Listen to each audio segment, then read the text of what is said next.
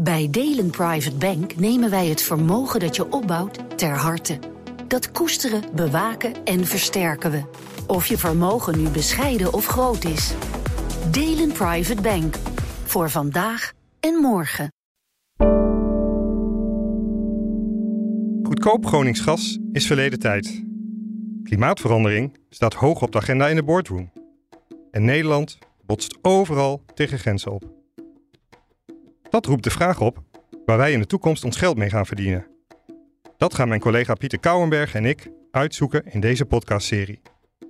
We spreken met politici. Nu hebben we de zogenaamde Net Zero Industry Act. Beetje een rare naam, maar het is gewoon een industriepolitiek wet. Waarbij we letterlijk, we slaan bijna door naar de andere kant, gewoon hebben opgeschreven: 40% van de zonnepanelen die we nodig hebben, gaan we hier maken. Punt. CEO's. In de haven van Rotterdam 50% is fossiel gebaseerd. Nou, dat gaat allemaal weg. Daar moet wel iets nieuws en duurzaams voor terugkomen. En economen. De koplopers die ooit uh, succesvol waren en voorlagen, dat niemand zich voor kon stellen dat die hun voorsprong ooit nog in zou leveren. En kijk eens twee decennia verder en ze hangen in de touwen. Vanaf 22 juli te beluisteren op fd.nl of in je favoriete podcast-app. Dus abonneer je alvast.